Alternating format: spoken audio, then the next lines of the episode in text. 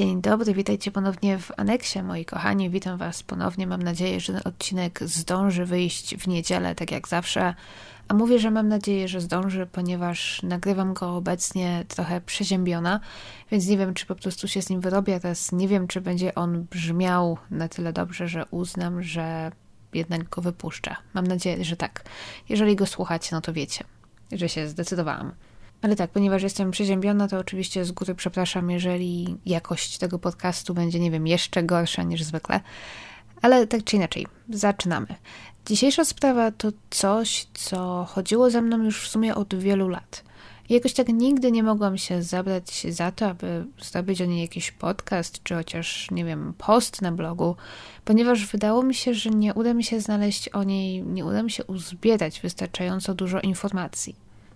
Ale w końcu jednak gdzieś tam ta chęć opowiedzenia wam tej przedziwnej historii zaginięcia Nicole gdzieś tam wygrała. No i przy okazji wiem, że ten podcast może być troszkę krótszy niż zwykle, ponieważ po prostu nie ma aż tylu informacji, ale biorąc pod uwagę moje obecne zasmarkanie, myślę, że właśnie taki krótszy podcast się tutaj przysłuży i mnie, i wam. I to, co mnie właśnie tak zadziwia w sprawie Nicole Moran, jej nazwisko pisze się Morin, M-O-R-I-N, ale z tego co widziałam, wszyscy wymawiają je Moran. Ona miała 8 lat i pewnego dnia wyszła z mieszkania, pożegnała się ze swoją mamą i miała jedynie samodzielnie zjechać windą na parter budynku, gdzie czekała już na nią jej koleżanka, Jennifer. Natomiast Nicole nigdy nie dotarła. Z mieszkania wyszła, ale na dół nigdy nie dotarła. I z pozoru właśnie wydaje się, że gdzieś zaginęła czy przepadła, dosłownie rozpłynęła się w powietrzu, będąc w windzie. I ta historia, jak zadziwiająca, nie została aż tak, że tak powiem, przewałkowana przez podcasty kryminalne, jak inne podobne tego typu zaginięcia. Na temat Nicole w sumie znalazłam tylko jeden długi podcast, zrobiony przez dwóch Kanadyjczyków, którzy właśnie prowadzą naprawdę świetny podcast Polecam Wam go. On będzie oczywiście w źródłach, e, w opisie pod filmem na YouTube. Podcast nazywa się Dark Putin, ale Putin oczywiście nie jak ten z Rosji, tylko Putin jak nazwa najsłynniejszego kanadyjskiego dania. I właśnie udało się nawiązać kontakt z rodziną Nicole, która no, ucieszyła się, że właśnie ktoś chciałby jej historię opowiedzieć, troszkę pomóc ją nagłośnić, ponieważ chyba jednak nie cieszy się ona, przynajmniej w internecie, wśród tych internetowych detektywów, powiedzmy, takim zainteresowaniem jak inne. Wszystko miało miejsce w lipcu 1985 roku, czyli już tak naprawdę ponad 35 lat temu. Nicole miała wtedy zaledwie 8 lat. Mieszkała ze swoją mamą w apartamentowcu w takim dosyć wysokim budynku w Etobicoke, które znajduje się zaraz koło Toronto. Ta sprawa właśnie jakoś tak dodatkowo mnie gnębi, bo wielokrotnie przejeżdżałam koło tego budynku. Jeżeli ktoś z Was był kiedyś w Toronto i jechał na przykład na lotnisko od strony Etobicoke właśnie, to prawdopodobnie mieliście również ten budynek. I właśnie wiedziałam już o tej sprawie od jakiegoś czasu, ale nie wiedziałam, w którym budynku to dokładnie miało miejsce. I gdy odkryłam, że właśnie kojarzę jako tako ten budynek, gdzieś tam przejeżdżałam obok niego w pobliżu, to właśnie jakoś tak jeszcze bardziej mnie to uderzyło. I też nie mogę sobie wyobrazić, jak ciężkim doświadczeniem musi być dla rodziców stracenie dziecka, w szczególności stracenie go w taki niespodziewany i niewyjaśniony sposób. Jej pełne imię to Nicole Louise Moran – Urodziła się 1 kwietnia 1977 roku. Urodziła się no w radosny dzień po końcu w prima aprilis i podobno też taka była. Radosne, wesołe dziecko. Miała zaledwie 8 lat, więc oczywiście żadne większe problemy i troski nie zdążyły się jeszcze na niej odbić.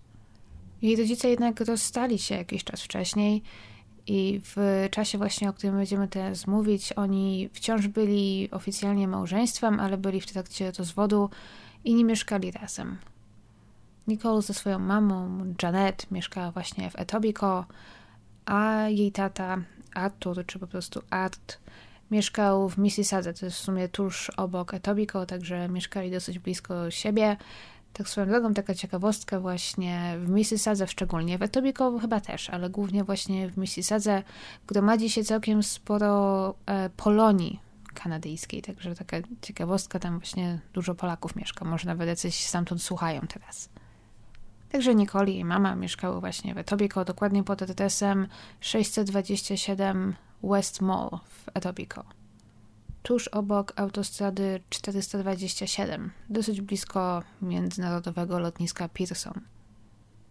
I teraz ten budynek, w którym one wtedy mieszkały, no nie wygląda zbyt atrakcyjnie czy luksusowo. Ale przypuszczam, że musiał być zdecydowanie lepszy w latach 80. Janet i Nicole mieszkały na 20 piętrze, na najwyższym piętrze tego budynku. One tam zresztą przyniosły się dosyć niedawno, bo wcześniej mieszkały w Amherst w Nowej Szkocji.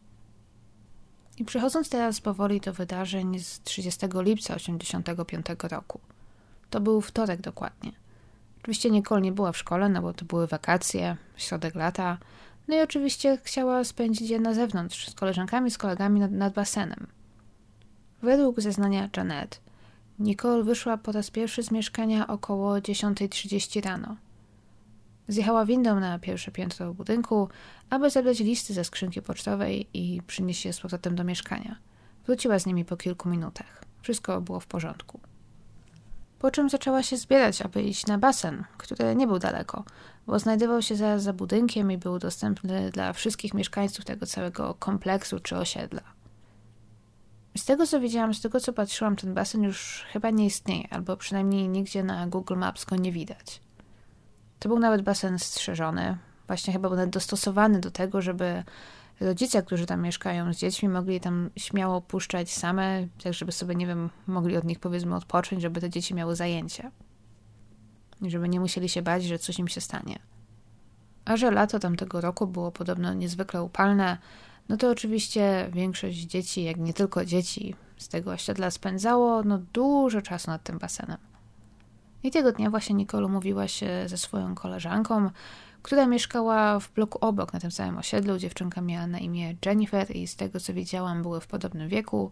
Umówiły się właśnie, że spotkają się w lobby na parterze budynku, w którym mieszkała Nicole. Nicole ubrała się w swój strój do pływania jednoczęściowy w czerwonym kolorze. Założyła również czerwone klapki, zieloną opaskę na włosy. Złapała ręcznik plażowy, szczotkę do włosów, grzebień, olejek do opalania, zielone shorty, białą podkoszulkę, okulary do pływania. Spakowała to wszystko do reklamówki i była gotowa do wyjścia. Według niektórych źródeł jeszcze przed wyjściem porozmawiała krótko przez demofon z Jennifer, która już czekała wtedy na dole, ale niektóre źródła w ogóle o tym milczą, więc nie jestem pewna, czy jest to prawda, czy gdzieś tam zostało to do sobie dopowiedziane, czy nadinterpretowane. Tak czy inaczej, Nicole pożegnała się z Janet ze swoją mamą i gdzieś mniej więcej o 11 wyszła z mieszkania.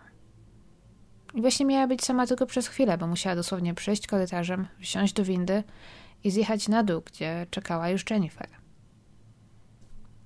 Niedługo później, bo gdzieś, nie wiem, 10-15 minut później, w mieszkaniu ponownie zadzwonił domofon. Janet poszła odebrać i okazało się, że to była Jennifer, pytająca się, gdzie jest Nicole czy schodzi, bo jeszcze jej nie ma. Janet odpowiedziała, że Nicole już wyszła i pewnie zaraz tam będzie, albo może jakoś się minęły i Nicole poszła na basen bez niej. I ją wtedy wiadomość jakoś tak nie zmartwiła. To nie była taka od razu reakcja, że o kurczę, gdzieś Nicole przepadła, coś się stało, ona nie dotarła, trzeba zacząć jej szukać. Janet po prostu pomyślała, że dziewczynki się no, nie mogły znaleźć, że pewnie się znajdą nad basenem. No i też gdzieś tam pewnie chyba podświadomie pomyślała, że gdyby Nicole się nie znalazła, no to Jennifer zaraz by wróciła i zadzwoniła ponownie powiedzieć, że Nicole nigdzie nie ma. A fakt, że już nie wróciła, nie zadzwoniła tym domofonem ponownie, gdzieś tam po prostu założyła, że musiały się znaleźć i że pewnie teraz dobrze się bawią nad basenem. Jak się okazało, Jennifer poczekała chwilę w tym lobby, ale w końcu się zniecierpliwiła i poszła sama na basen. Poszukała jeszcze nad basenem, bo może rzeczywiście Nicole gdzieś tam była, ale nigdzie jej nie zobaczyła. No cóż, małe dziecko też nie ma prawa wiedzieć, że to może oznaczać, że stało się coś złego, że powinna o tym powiedzieć komuś dorosłemu. Wyobrażam sobie też, że pewnie spotkała tam jakieś inne dzieci, które znała. W końcu w taki upalny dzień pewnie wszystkie właśnie dzieci tam wylęgły na ten basen, więc pewnie, no cóż, została tam, dobrze zaczęła się dobrze bawić i zupełnie o Nicole zapomniała. I tak zaczęły upływać godziny i nikt nie miał pojęcia, że Nicole zniknęła. Dopiero po południu Janet postanowiła zjechać na dół, aby zobaczyć, czy z dziewczynkami wszystko w porządku. I to właśnie dopiero wtedy odkryła, że Nicole nigdy nad basen nie dotarła i po tym jak wyszła z mieszkania nikt jej nie widział. Ale na szczęście wtedy już na nic nie czekała, tylko od razu pobiegła zadzwonić na policję. Dochodziła wtedy dokładnie 15.30, a Nicole była widziana po raz ostatni jakieś 4,5 godziny wcześniej. Zaginięcie tak małego dziecka zwykle jest traktowane poważnie i na szczęście tak było też w tym przypadku. Bo jeszcze tego samego dnia policja zorganizowała m.in. kilka blokad drogowych i zaczęła wypytywać kierowców. Ciężko było jednoznacznie określić, w którym momencie i gdzie Nicole zaginęła. Czy coś wydarzyło się, gdy była na korytarzu, gdy czekała na windę, czy może już gdzieś w windzie, czy może w ogóle ona do windy nie weszła, może nie wiadomo, może postanowiła zejść schodami na przykład. Może istotnie jakoś się z Jennifer minęły i Nicole coś się stało, gdy na przykład wyszła z budynku. Tata Nicole, Arthur, był kierowcą zawodowym i w czasie, gdy zaginęła, przebywał poza miastem. W Peterborough, tak dokładnie, jakieś mniej więcej 160 km dalej. On powiedział potem, że tamtego dnia otrzymał telefon gdzieś o 17.30 i gdy zrozumiał, co się stało, to przyjechał stamtąd prosto do Etobicoke. Gdy zajechał pod blok, w którym mieszkały jego żona i córka, to musiał czuć się jak w najgorszym koszmarze. Przed blokiem było mnóstwo radiowozów, samochody telewizyjne, a wokół zgromadzeni byli gapie. On od razu przyłączył się do poszukiwań oczywiście. Te pierwsze poszukiwania, jak to zwykle bywa, skupili, skupiły się właśnie na samym budynku, jak i jego najbliższych okolicach. Początkowo szukano głównie różnych, nie wiem, zakamarków, szukano różnych dziur, czy może jakichś innych małych, trochę ukrytych miejsc, gdzie dziecko mogłoby się schować lub zostać schowane. Płynęło tak parę dni, lecz bez najmniejszych rezultatów. Nie było ani śladu Nicole, oraz, to też mnie zastanawia, nigdy nie znaleziono żadnej jej rzeczy, które ona tamtego dnia miała ze sobą. Co chyba też tutaj może być jakąś ważną wskazówką. Jednym z ważniejszych tropów na początku śledztwa okazały się informacje od kilku świadków, którzy twierdzili, że rankiem tamtego dnia na korytarzu na 20 piętrze, czyli tam, gdzie Nicole mieszkała, widzieli młodą kobietę, ubraną na biało, blondynkę, która w rękach trzymała podkładkę do pisania i jakieś papiery. Ona była tam widziana mniej więcej pół godziny przed tym, gdy Nicole miała wyjść z mieszkania. Przez długi czas szukano tej kobiety, głównie dlatego, że mogła być ważnym świadkiem. Ale problem w tym, że nigdy się nie odnalazła.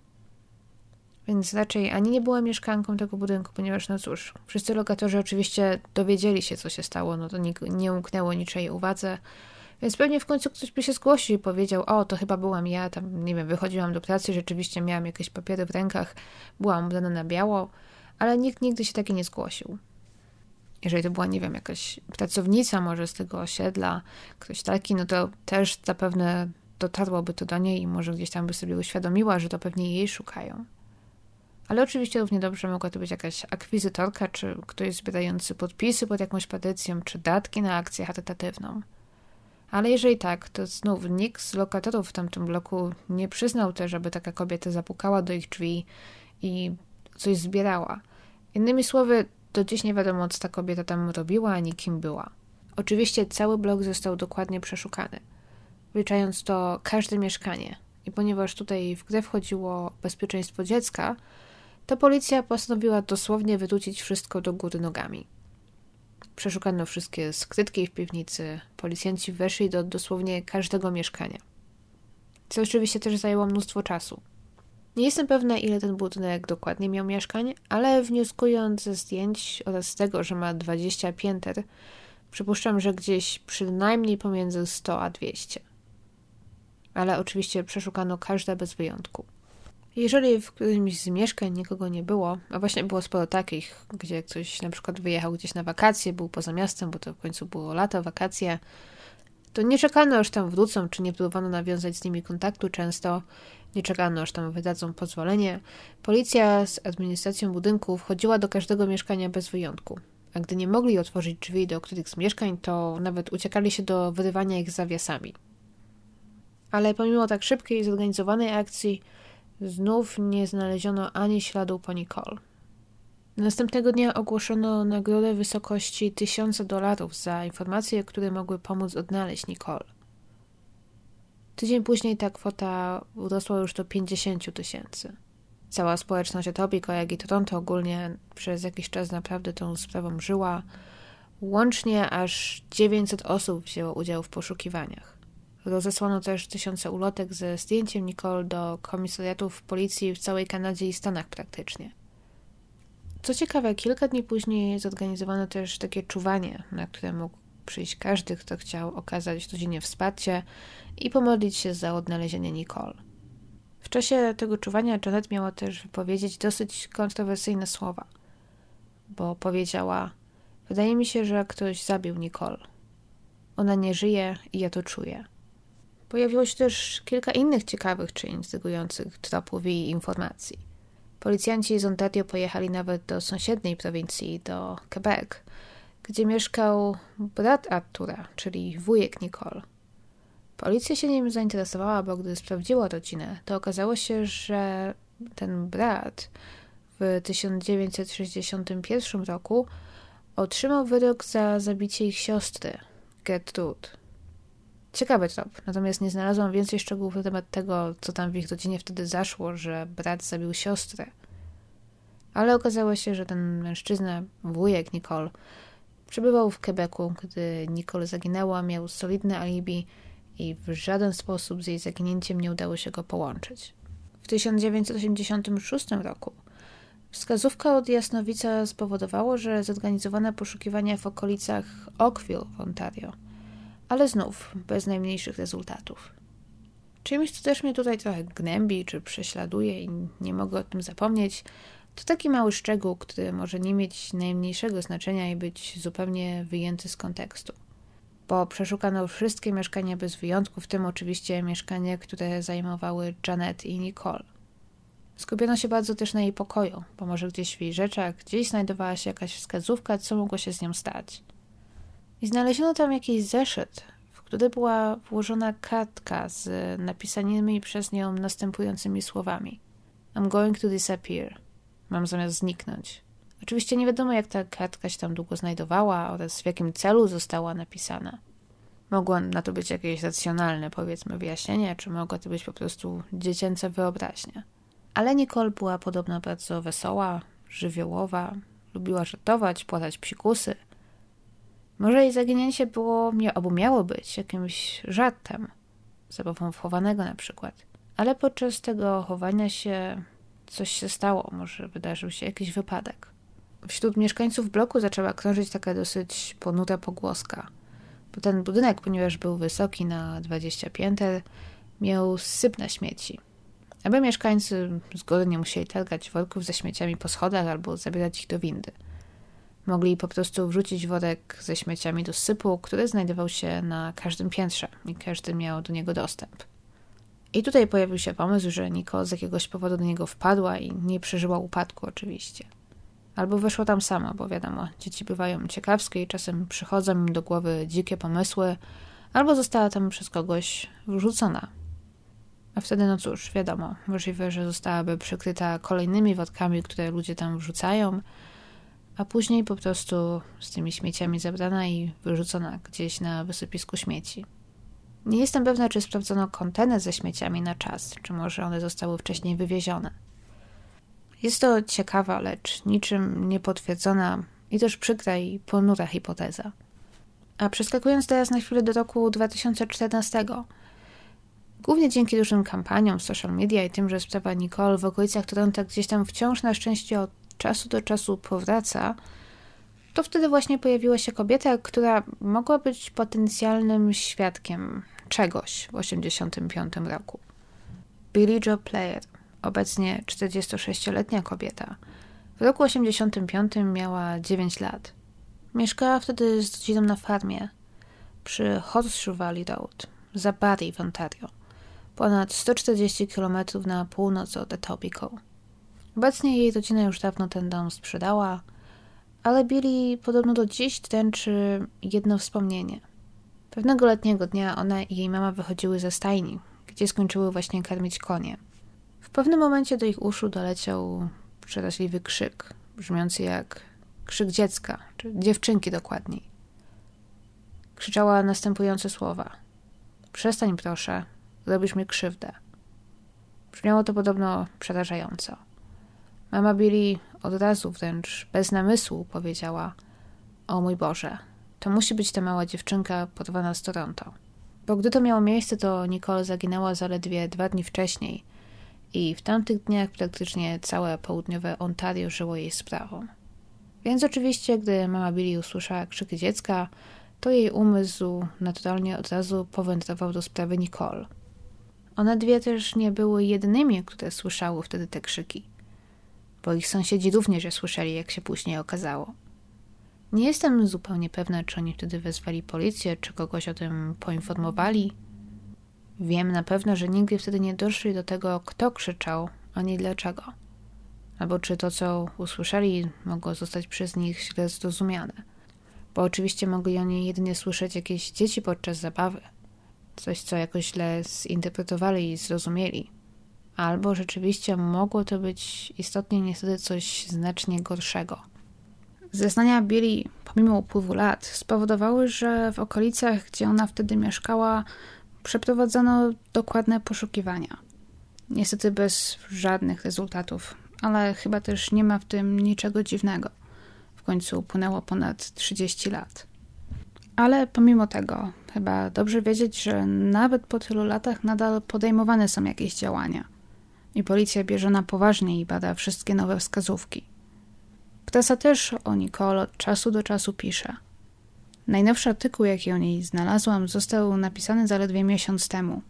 Ale mimo to też gdzieś tam jednak mam wrażenie, że jej zaginięcie nie jest tutaj jakoś tak szeroko znane. I tak dla podsumowania jeszcze kilka takich moich przemyśleń. Wracając do tej kobiety w bieli z podkładką do pisania, która była tam wtedy widziana, jeżeli ona miała coś wspólnego z zaginięciem Nicole, to znaczyłoby, że jej uprowadzenie zostało w jakiś sposób zaplanowane wcześniej. I ciężko mi sobie wyobrazić, że ktoś po prostu wszedłby do przypadkowego budynku, czekał na przypadkowym piętrze, mając nadzieję na to, że w jakimś momencie przejdzie tam małe dziecko, które można uprowadzić. Bo przecież równie dobrze można by było czekać kilka dni albo i w nieskończoność. Ale Janet zauważyła też, że w tamtych dniach Nicole, no ponieważ miała wakacje, prawie każdego dnia robiła to samo. Jeżeli dopisywała pogoda, jeżeli było ładnie, no to ona właśnie wychodziła z domu, gdzieś tam rano czy wczesnym popołudniem szła nad basen, spędzała czas z koleżankami i po południu wracała do domu.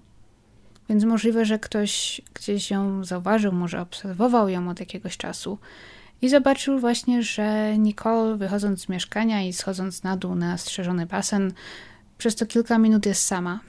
Wiem, że tata Nicole właśnie powiedział, że to, że ta kobieta nigdy nie została znaleziona, jakoś tak go prześladuje. To jest taki jeden mały szczegół, który może nie mieć z tą sprawą nic wspólnego, ale pomimo to prześladuje go i on podobno dalej ma nadzieję, że ta kobieta zostanie kiedyś odnaleziona.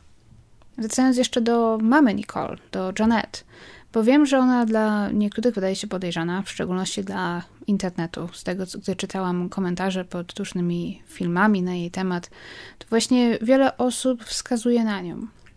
Niektórzy też uważają, że nie dopilnowała Nicole, że powinna była ją osobiście odprowadzić na basen, że gdyby była bardziej uważna, to zapewne Nicole nic by się nie stało.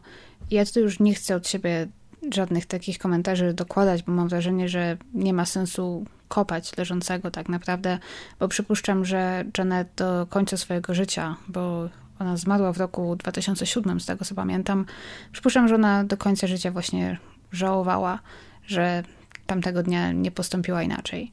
Według artykułu z Toronto Sun, z tego roku zresztą, Rodzice, oboje rodzice podobno zostali sprawdzeni, tak jak i różni e, bliscy, najbliższa rodzina, wszyscy zostali sprawdzeni i podobno oczyszczeni z wszelkich podejrzeń.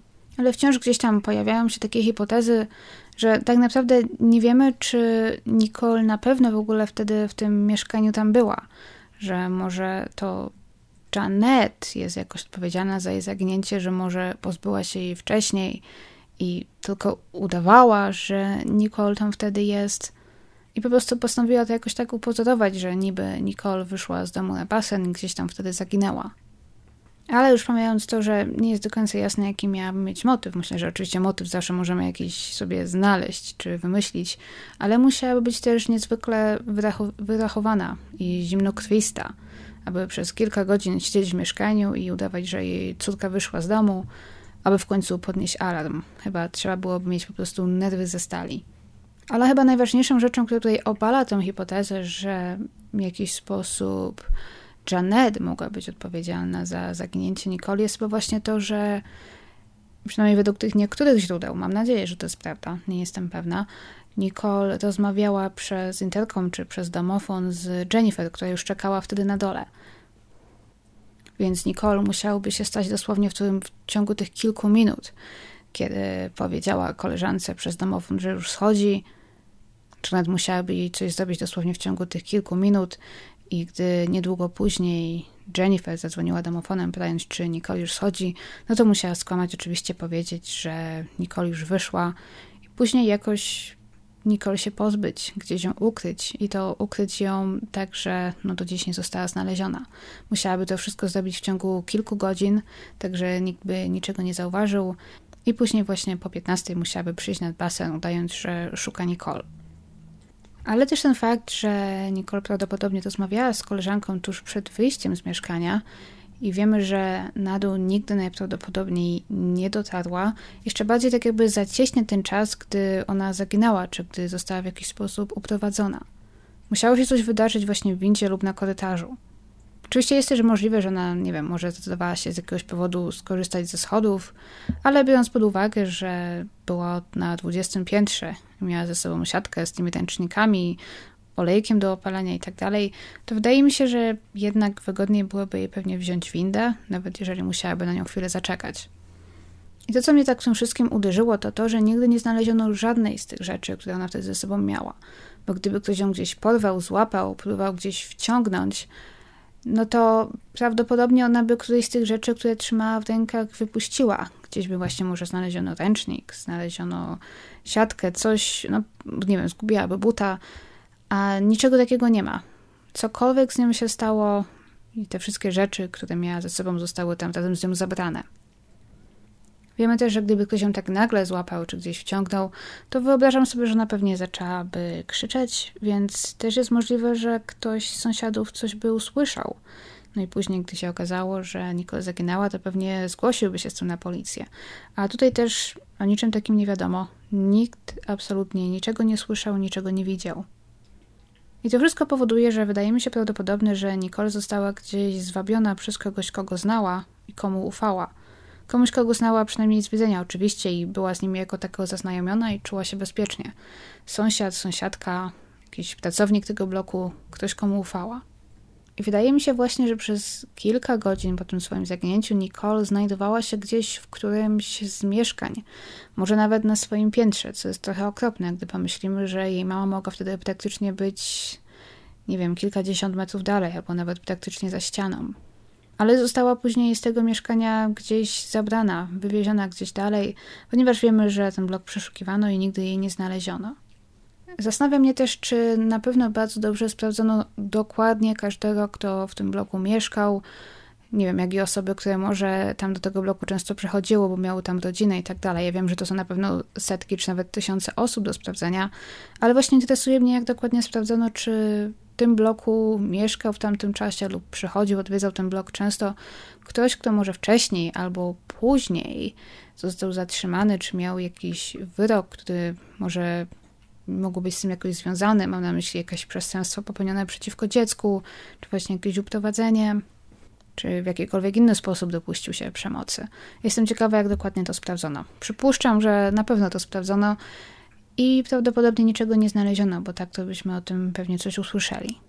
Tak czy inaczej, chyba muszę powoli kończyć ten odcinek. Chyba jednak nie wyszedł aż tak krótki, jak mi się wydawało, bo chyba dobijamy już powoli do pół godziny. Dzięki za słuchanie, dzięki za oglądanie. Mam nadzieję, że udało mi się go na czas wypuścić w niedzielę i że nie brzmię aż tak okropnie nosowo, że daliście radę tego wysłuchać. Także dziękuję Wam za słuchanie. Mam nadzieję, że zgadzacie się ze mną, że sprawa Nicole zasługuje jednak chyba na troszkę większy rozgłos.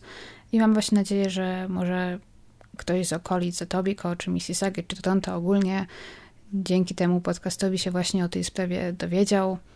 Nawet jeżeli to będzie jedna albo dwie osoby, myślę, że to zawsze jest coś. Tak czy inaczej, jeszcze raz dzięki za słuchanie i widzimy się, słyszymy za tydzień. Tak, z takich jeszcze może informacji organizacyjnych.